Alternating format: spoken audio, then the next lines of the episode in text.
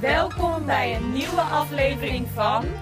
Alle wegen leiden naar Rome. Allemaal leuk en aardig, die fresco's op het achterwand en de zijwanden. Maar hebben jullie al omhoog gekeken? Nee?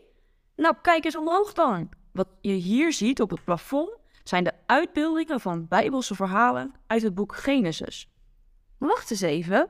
Is dit nou dat bekende schilderij met die vingers die elkaar aanraken? Ja, zeker weten. Kijk, in het midden van het plafond zie je twee figuren. God en Adam die elkaar bijna aanraken met hun vingers. God wordt daar afgebeeld als een oudere man met een witte baard, gekleed in een wervelende mantel.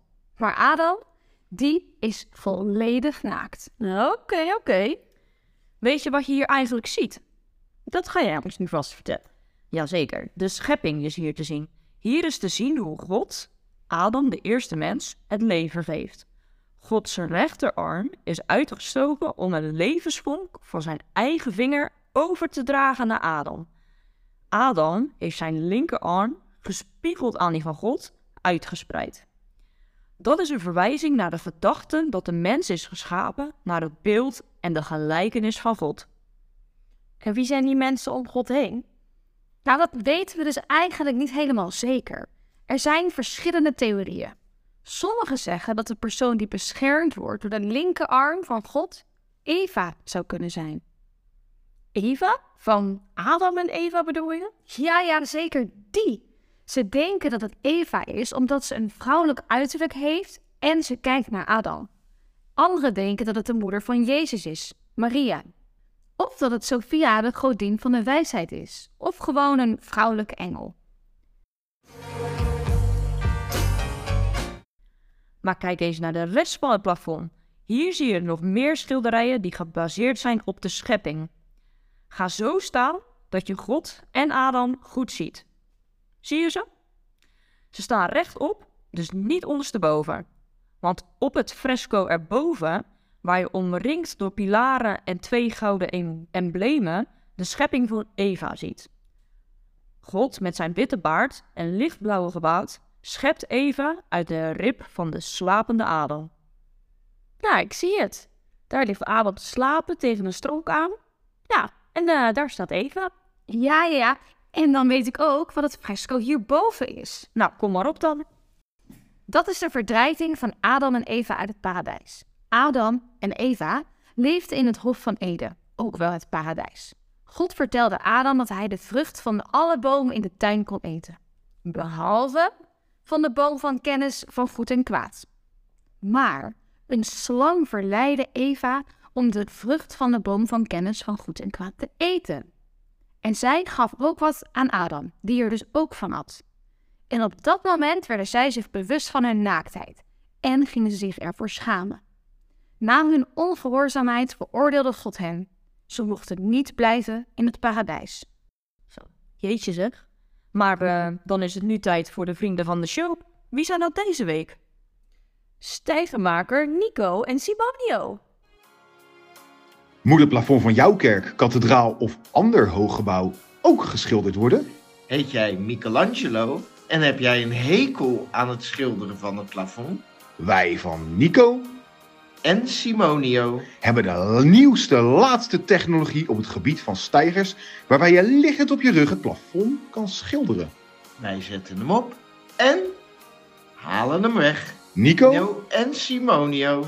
voor als je niet omhoog wilt kijken. Kijk omhoog naar de zon. Zoek niet naar een antwoord, laat het los. Dat lijkt mij toch wel handig, die stijvers van die Nico en Simonio.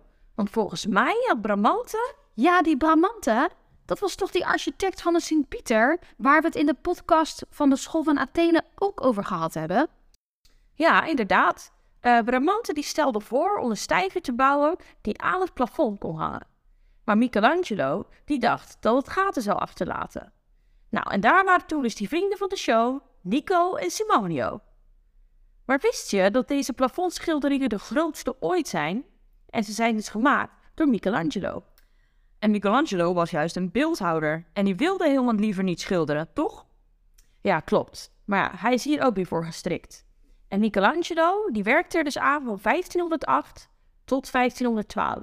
En het is wel 40 bij 13 meter.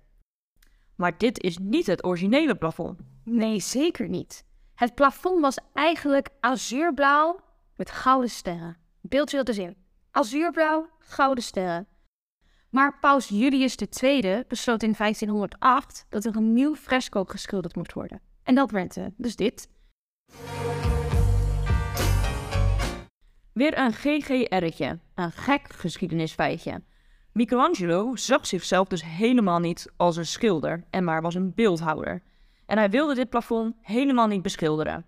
Hij deed dit tegen zijn zin in en tekende het contract provocerend met beeldhouwer Michelangelo en dus niet met schilder Michelangelo. Hij had zich voor Julius II verborgen gehouden in zijn geboortestreek Toscane, maar de paus liet hem daar helemaal op sporen. Michelangelo is dus gewoon gekidnapt. Eh, maar waar wordt deze kapel nou eigenlijk nog voor gebruikt? Nou, de Sixtijnse kapel is het grootste gedeelte van het jaar een museum. Maar dat is natuurlijk niet de eigenlijke functie van de kapel. Want de Sixtijnse kapel wordt sinds 1492 gebruikt voor de verkiezing van de nieuwe paus. Wist je dat tijdens zo'n pausverkiezing de kardinalen absoluut geen contact mogen hebben met de buitenwereld? Dus ook geen telefoon? Nee, zeker niet. De kardinalen worden allemaal gecontroleerd voor ze de kapel betreden. En ze zweren geheimhouding, met als straf een enkele reis naar de hel als we de eed verbreken. Oeh. En als die kardinalen dus in de kapel zijn, worden de deuren van buiten afgesloten. En dan klinken de woorden extra omnes. Iedereen naar buiten. De deuren gaan dan ook echt op slot. En hier komt het woord conclave ook vandaan. De deuren worden gesloten. Conclave. Met sleutel. En dan begint dus het stemmen. Ja, dan begint het stemmen. Ze stemmen net zo lang tot ze een nieuwe pauze hebben. Wanneer een stemronde geen nieuwe pauze oplevert, worden de stembriefjes verbrand en komt er zwarte rook uit de schoorsteen, die speciaal voor dit doel op het dak van de Sixtijnse kapel wordt gezet.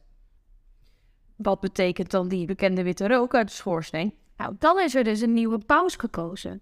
En dus witte rook vanuit de schoorsteen. En deze schoorsteen is te zien vanaf het Sint-Pietersplein. Ja, op die plek zegt de paus normaal gesproken rond Pasen: Bedankt voor die bloemen. En die bloemen, ja, die komen dus helemaal uit Nederland. Zo, dat was me wel weer een verhaal, hè? Nou, zeker. Tijd om weer naar buiten te gaan. Op naar ons volgende avontuur. Alle wegen leiden naar Rome, maar mijn wegen, leiden naar jou.